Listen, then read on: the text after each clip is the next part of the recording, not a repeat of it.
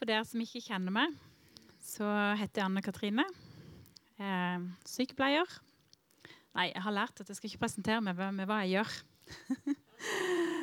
Men eh, det blir fort sånn. Jeg er gift med Sam.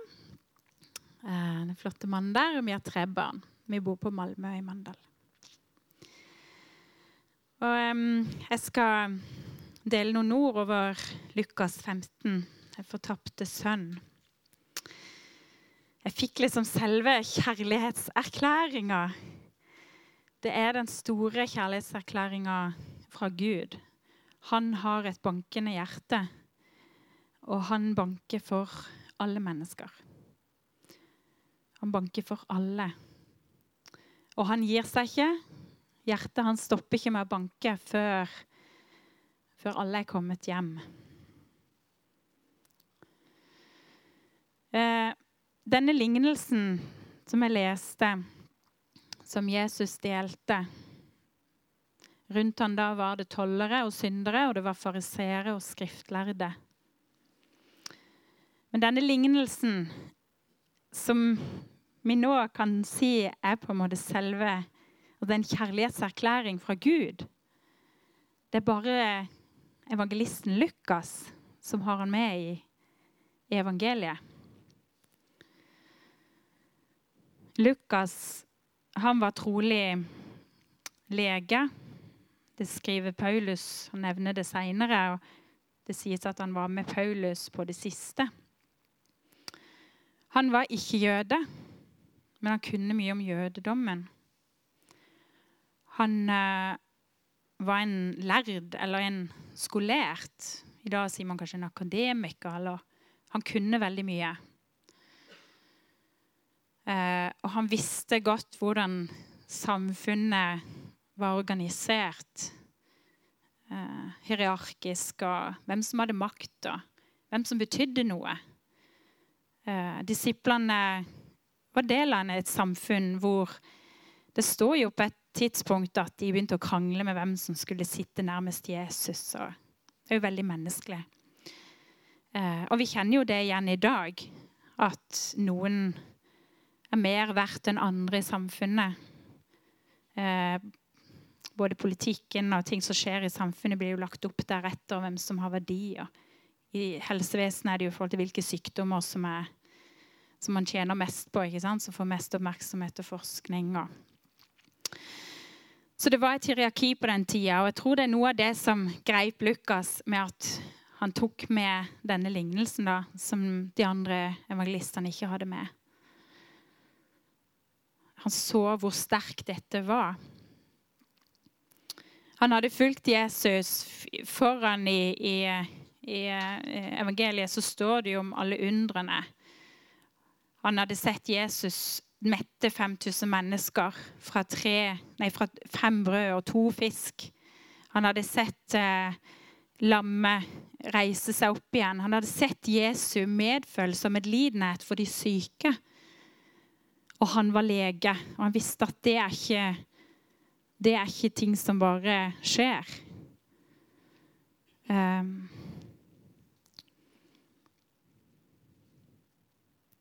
han hadde sett Jesus også stille stormen. Så han hadde opplevd veldig mye med Jesus i forkant av denne lignelsen. Men heldigvis så tar han denne lignelsen med. Det er en kjærlighetserklæring. Um, og um, den handler om hvordan Gud elsker alle barna, alle mennesker. Han stopper ikke å leite eller å speide, som det står, at han sto og speide etter sin, etter sin sønn. Han visste jo ikke at sønnen ville komme. Eller sønnen hadde jo ikke kommet hjem ennå. Men Gud han står og speider etter oss og leiter etter oss. Eh, og han leiter etter enhver som er fortapt og har gått vill, og som har kommet bort. Han venter på enhver av oss, men han gjør det aktivt. Det er jo ikke en passiv venting, men det er en aktiv. Han er på post. Um, og så står det i vers 20. Da han ennå var langt borte, fikk faren se ham, og han fikk inderlig medfølelse med ham. Og det er så vakkert å høre med beskrivelsen av Gud, som dette er en beskrivelse av. Hvordan Gud har medfølelse for oss i det vi opplever i livet.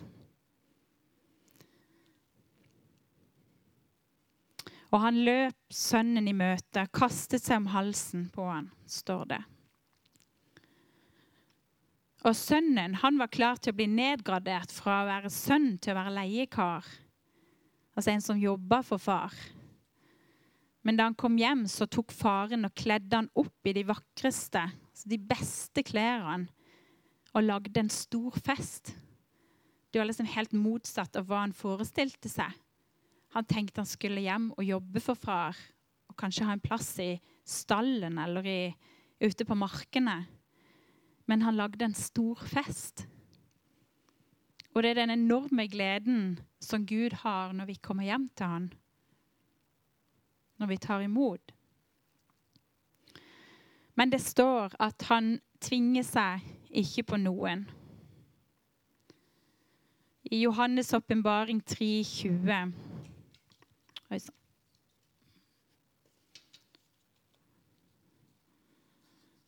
Så står det Se, jeg står for døren og banker. Om noen hører min røst og åpner døren, vil jeg gå inn til ham og holde måltid. Jeg med ham og han med meg. Han venter, og hans hjerte banker, og det stopper, vil aldri stoppe å banke. Men så er det sånn at vi må omvende oss. Hadde ikke sønnen snudd om og valgt å komme hjem, så hadde han ikke fått opplevd denne festen. Han hadde ikke fått opplevd å bli kledd opp.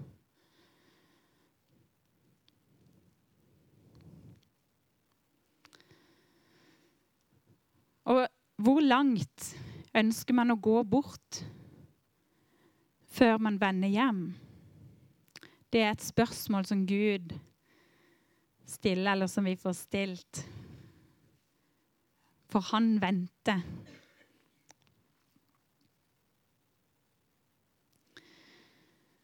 Og stort er det ikke da med den far, altså vår far, som vanærer seg litt i forhold til jødisk tradisjon, så var det ikke normalt å dele arven eh, mens barna fortsatt var unge og på vei ut i livet, altså før man gikk bort. Så han gikk imot egen tradisjon, egen eh, Det som var normalt eh, på den tida.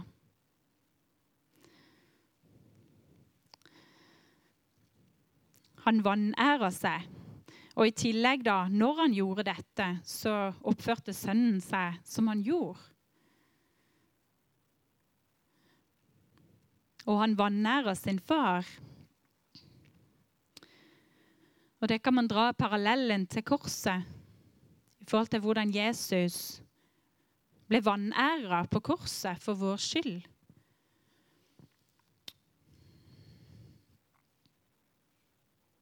Gud går så langt i sin kjærlighet til oss.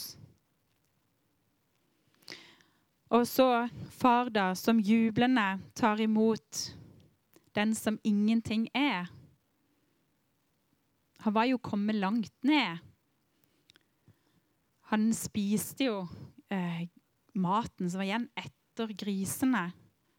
Han hadde brukt opp alt av penger. Det var ingen som hjalp han, sto det. Men den som ingenting er, tar Gud imot og kler opp i hans tøy. Og Det kan nå være et bilde på dåpen, når vi blir kledd i hans drakt.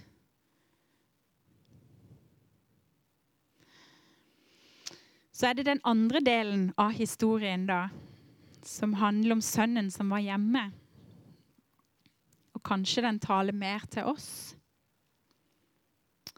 Han ble sint og ville ikke gå inn på festen. Han var allerede sønn, men ble sint på far som, som tok imot sønnen som hadde vanære far på denne måten.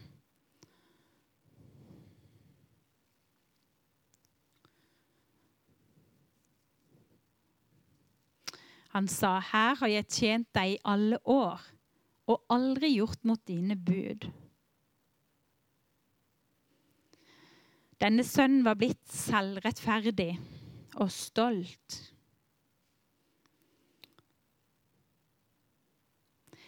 Og selvrettferdige og stolte peker Jesus på òg trenger tilgivelse i veldig mange av versene før, litt tidligere i Lukas, så sier jo Jesus så mye til disiplene sine og til folket rundt, som arresterer de fleste fariseere og skriftlærde, og de som gikk sammen med Jesus.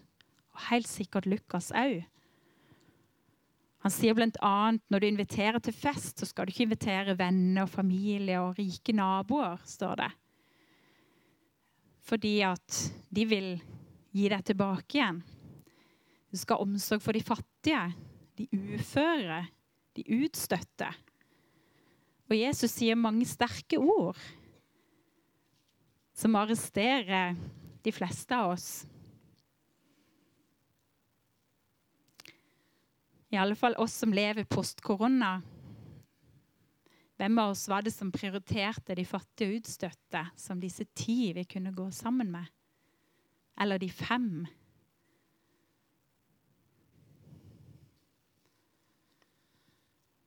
Vi er selvrettferdige og stolte. Også det trenger omvendelse. For om ikke vi ser hvilket rike vi er en del av. Altså om ikke vi ser um, Unnskyld. Om ikke vi ser hva vi trenger omvendelse fra, så klarer vi ikke å se hvilket rike vi er en del av. Synden, som selvrettferdighet og stolthet er, det hindrer oss fra å se det rike vi er en del av. Det kan også være andre ting i livet som hindrer oss fra å se Guds rike klart. Og Da kan det også være vanskelig å se hvem som er vår far.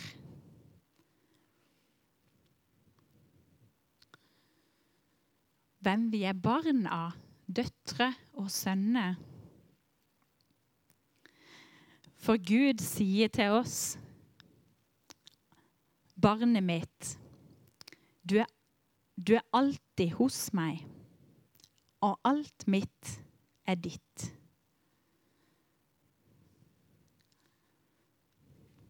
Gud sier til oss at alt hans, det er vårt. Han har allerede gitt oss alt. Og alle er vi barn av Hans rike. Men vi må omvende oss fra stolthet og selvrettferdighet for å forstå dette riket som vi er en del av.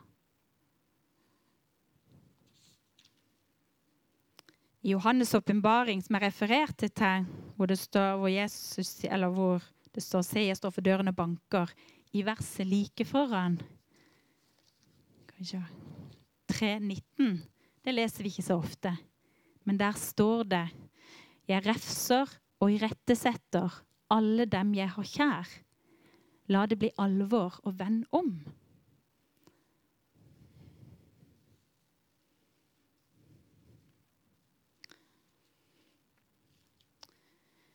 Og I 2. Korinterne 13, 5-8 Jeg klarer ikke å bla like fort som jeg snakker.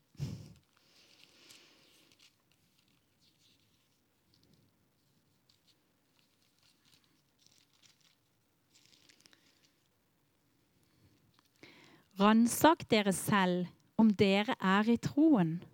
Prøv dere selv. Eller merker dere ikke at Jesus Kristus er i dere? Så står det videre Består dere kanskje ikke prøven? Jeg håpet dere vil skjønne at vi holder mål. Vi ber til Gud at dere ikke må gjøre noe ondt.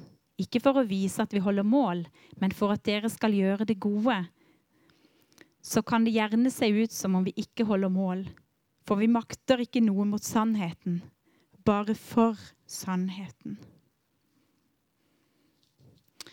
Guds rike er nær, og med Den hellige ånd, som Gud har gitt oss, så får vi ta del i dette riket. Guds rike kom da Jesus kom, og det er der ved Den hellige ånd. Så la oss åpne opp og så se hvilket rike vi er en del av. At vi ser livet med et, en expression som ble brukt i he, forrige helg på kvinnekonferansen. All inclusive. Det var en historie om en som hadde bestilt en reise til USA med cruiseskip. Hadde kjøpt en billett og var godt om bord på båten. Men tenkte han hadde ikke råd til restaurant og buffé. Han hadde spart og spart, og på siste kvelden hadde han tatt seg råd til å gå opp i buffeen. Og så sier de i buffeen der restauranten at ja, billetten din is all inclusive. Du kunne vært der alle dagene. Det er noe med livet i Gud at Gud gir oss alt. Alt vi vil ha fra Hans rike. Vi må bare åpne opp og se det. Eh, Mika 7, 18. Skal vi se Jeg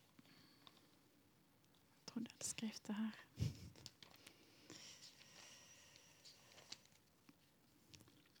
Hvem er en Gud som du, en som tar bort skyld og tilgir synd for den resten han eier?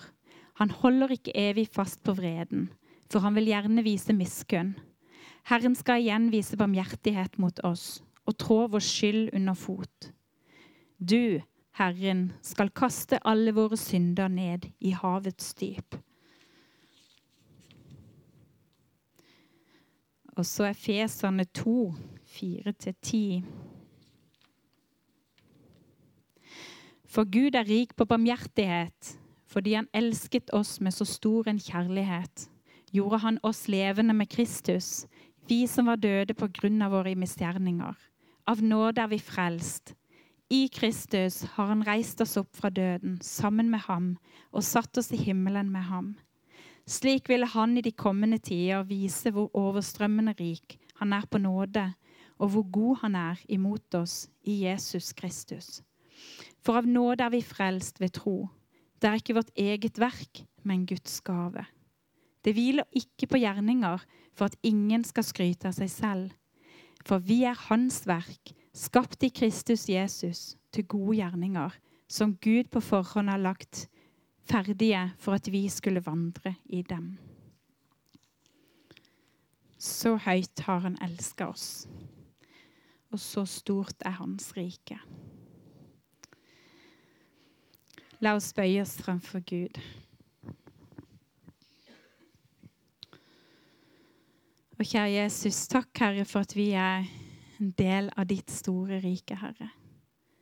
Takk for alt det som du har gjort for oss på korset, Herre. Takk, Far, at du elsker oss med en så enorm dyp kjærlighet. Det er vanskelig å forstå. Herre, takk at vi kan gå sammen med deg og ber, Far, om at du ser til våre liv. Takk, Herre, at du har medlidenhet for det vi står i, medfølelse.